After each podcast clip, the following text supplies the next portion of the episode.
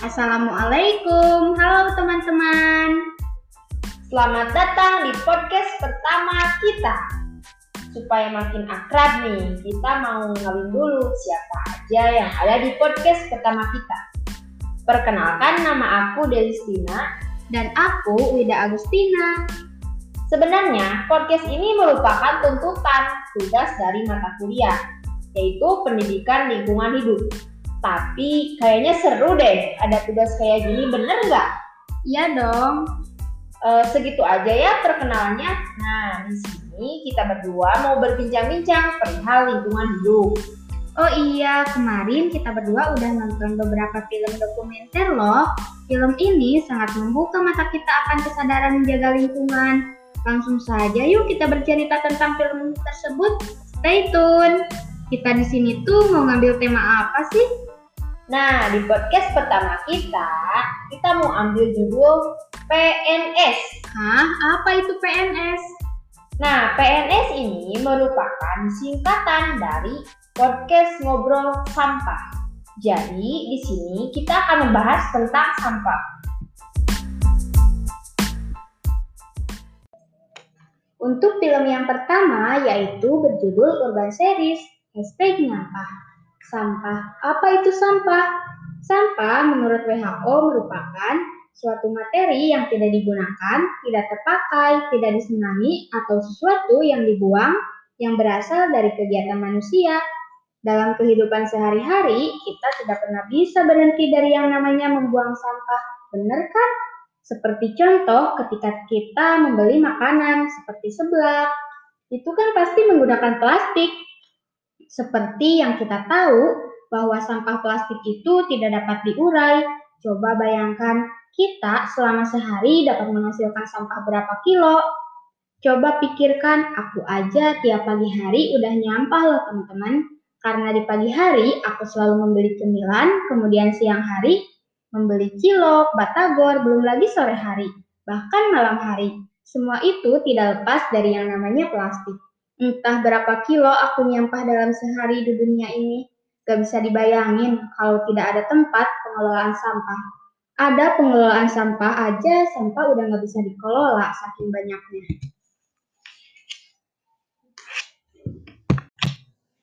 Film ini sangat menyadarkan aku, iya teman-teman, kalau kita membuang sampah ke darat, maka sampah tersebut tidak dapat terurai. Sama halnya jika kita membuang sampah ke sungai, itu juga tidak dapat terurai tetapi akan menyebabkan banjir karena sampah tersebut menumpuk. Lalu bagaimana jika kita membuang sampah ke laut? Sama dong, ini juga tidak dapat terurai, tetapi akan menjadi mikroplastik atau potongan kecil yang kurang dari 5 mm. Gimana nih Delis menanggapi hal tersebut? Apakah ada hukumnya tentang pengelolaan sampah ini? Menurut aku, tentang video urban seri 1 yang hashtagnya nyampah, yang bertepatan di TPA Bantar Gebang sebagai pusat pengelolaan sampah untuk wilayah DKI Jakarta sangatlah banyak, sehingga menimbulkan sampah yang menggunung. Tempat untuk penyimpanan pun mencapai luas 110 hektar. Wah, itu luas banget ya kawan-kawan. Nah, sampah ini kebanyakan dari produk-produk yang perputarannya cepat, seperti makanan, minuman, dan kebutuhan rumah tangga. Nah, pengelolaan sampah juga ada hukumnya, yaitu Undang-Undang Nomor 18 Tahun 2008 tentang pengelolaan sampah. Undang-undang ini dibuat karena ada kejadian di TPA yang kelebihan kapasitas yang menimbulkan korban di Cimahi. Pada tahun 2004, kejadian longsor di TPA sehingga pemerintah pusat mengambil keputusan membuat undang-undang. Nah, yang tadi ada di percakapan yaitu TPA Alis merupakan korban penyakit kispa gara-gara pengelolaan sampah dengan dibakar di sekitar rumahnya. Nah, itu miris banget ya. Dari sini kita dapat simpulkan, jika di dunia ini sampah semakin banyak, lalu kita akan ke mana? Sedangkan bumi adalah tempat tinggal kita. Meskipun ada teknologi canggih yang misalnya dapat membantu membersihkan sampah, menurutku kalau manusia tidak bertindak dalam menghabisi ini, percuma saja. Oh iya, aku jadi ingat film Wall-E. Menurutmu, Delis, bagaimana tentang film tersebut? Iya betul banget teman-teman. Ketika aku pertama nonton Wale, yang terlintas dalam pikiranku yaitu bumi sangat banyak sampah, kemudian orang-orang tidak ada. Aku simpulkan bahwa film ini merupakan gambaran kehidupan masa depan, di mana di dalam film itu orang-orang pergi meninggalkan bumi dengan menggunakan kapal raksasa bernama Axio. Alasannya karena bumi sudah mulai terancam dan salah satu penghuni yang ada di bumi yaitu robot yang bernama Wale. Robot ini bertugas untuk membersihkan sampah dengan cara mengepakkan menjadi kubus dan menyusunnya dengan rapi agar tidak memenuhi bumi. Robot ini sendiri jadi tidak mempunyai teman di bumi ini. Gak bisa kita bayangin kan, ada yang tahu nggak teman-teman film ini mendapatkan penghargaan yaitu Piala Oscar pada tahun 2009 dengan kategori film animasi terbaik. Kalau kalian belum nonton, nonton deh, seru banget filmnya kan? Yuk nonton yuk! Kalau dilihat dari film ini, bumi sudah seperti lautan sampah, menggunung sampai melebihi gedung pencakar langit. Manusia yang meninggalkan bumi itu, mereka tinggal di sebuah kapal besar di mana segala kebutuhan dikendalikan oleh teknologi. Hingga di akhir cerita, kapal tersebut tinggal di bumi. Di situ manusia dilihatkan untuk menghidupi bumi kembali. Dari film ini juga dapat diambil pelajaran, salah satunya bahwa manusia dan alam itu saling berkaitan. Oh iya nih, kemarin juga aku nonton film The Story of Plastic Taylor Ketika aku nonton film ini, sangat disayangkan jika daratan dan lautan terdapat banyak sampah, terutama sampah plastik. Di film ini juga diberitahukan bahwa jumlah sampah plastik di perairan laut sekitar 8 juta per tahunnya. Seperti yang udah aku jelasin tadi, bahwa jika laut banyak dengan sampah, maka sampah tersebut tidak akan terurai, tetapi hanya akan menjadi mikroplastik. Film ini memperlihatkan bagaimana sampah plastik yang tidak dapat dikelola dengan baik, sehingga pada akhirnya berdampak pada krisis lingkungan maupun kesehatan manusia. Setelah aku menonton ketiga film tersebut, aku menjadi tahu nih bahwa jika kepraktisan yang dibawa oleh plastik sekali pakai membawa bencana bagi ekosistem laut dan darat di bumi, secara tidak sadar kita itu sudah berbuat kesalahan baik untuk tubuh kita sendiri ataupun makhluk yang ada di bumi. Jadi di sini sudah tahu kan bahwa yang salah itu kita bukan plastiknya. Nah, di sini aku mendapat istilah baru dari film tersebut, yaitu istilah consumer good, yaitu produk-produk yang memiliki perputaran produksi dengan cepat seperti perlengkapan mandi, produk makanan dan minuman. Ternyata di Indonesia produk ini laris banget loh teman-teman, hingga terjadi pertumbuhan setiap tahunnya, yang akhirnya sampah pun ikut meningkat.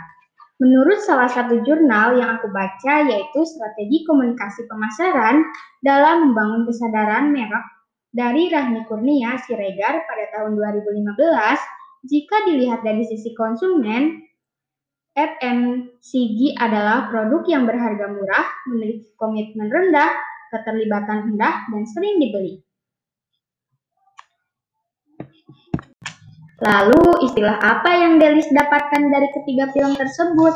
Nah, dari ketiga film tersebut, aku mendapatkan istilah yaitu fast fashion dan sustainable fashion.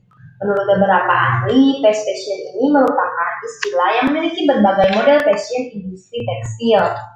Tidak banyak orang tahu bahwa industri fashion ini adalah penyumbang polusi terbesar di dunia.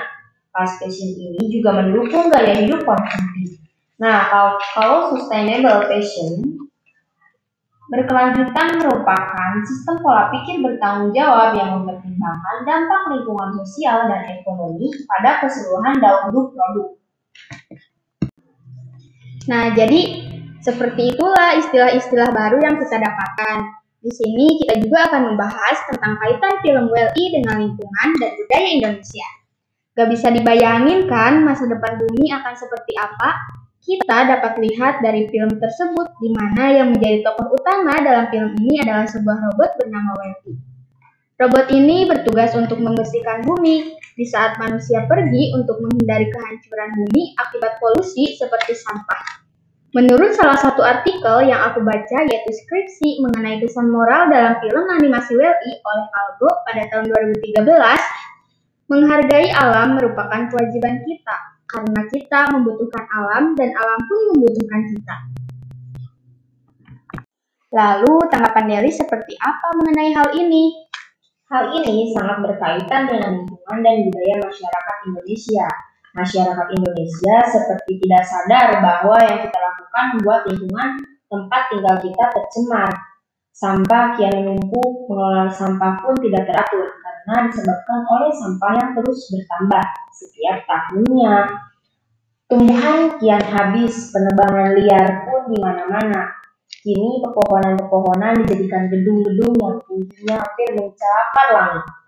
Mulai sekarang yuk jaga bumi kita, hijaukan kembali bumi kita supaya kita sebagai penghuninya dapat merasakan nyaman tinggal di bumi ini. Kurangi membeli produksi-produksi yang dapat menghasilkan sampah. Belajar untuk tidak bergaya hidup konsumtif, cintai produk dalam negeri.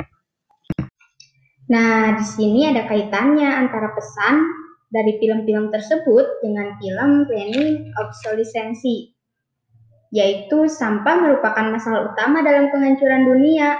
Film ini juga membuka wawasan kita bahwasannya sampah akan mencemari bumi kita. Jika tidak dikelola dari sekarang, akhirnya akan membebani pemerintah dan masyarakat untuk menanganinya. Perubahan perilaku masyarakat, tindakan cukup tanpa adanya perubahan dari industri kalau terus memproduksi khususnya plastik, kemudian alat-alat elektronik seperti mesin cuci, TV, ataupun yang lainnya. Semua ini adalah masalah global yang menjadi peranan semua pihak dan sangat krusial untuk mengatasinya. Menjaga bumi dan merawat bumi adalah kewajiban setiap manusia yang tinggal di bumi, karena bumi merupakan salah satunya planet yang menaungi berbagai aktivitas kehidupan. Jikalau bumi tidak dirawat dan dijaga, maka akan ada banyak kerusakan akibat eksploitasi yang diakibatkan manusia sendiri. Hendaknya siapa pun itu haruslah bersikap tegas dalam menjaga bumi, karena bumi ini telah dianugerahkan Tuhan untuk kehidupan manusia. Sepatutnya kita sebagai manusia mencintai alam.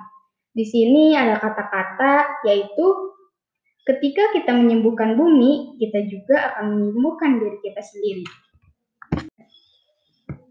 Dapat kita simpulkan bahwa e, dari video tersebut sangat menginspirasi karena membuat kita sadar akan kebersihan di Indonesia memang patut diperhatikan sebab masih banyak masyarakat Indonesia yang buang sampah sembarangan dan tempat-tempat yang bukan halayak jadi tempat sampah malah menjadi tempat penumpukan sampah seperti kali, pinggir jalan, selokan, sungai, bahkan laut sekalipun. Nah, di jalanan maupun di pinggiran juga sering kali menjadi tempat pembuangan sampah yang kecil, seperti puntung rokok, plastik bekas jajan, ataupun sampah besar sekalipun. Dan mengamanatkan bahwa dari video tersebut, mari kita pilah sampah dari rumah dengan bangun kebiasaan baik dengan kesadaran memilah sampah yang kita buang ke tempat yang sesuai dengan jenis sampah tersebut. Jadi, udah dipisahin ya sampah tersebut mana yang organik, yang mana bisa membusuk, terurai, dan malah baik untuk tanah. Sekian podcast pertama kita, semoga dapat memberikan manfaat bagi teman-teman. Tunggu podcast kedua dari kita ya. Wassalamualaikum warahmatullahi wabarakatuh.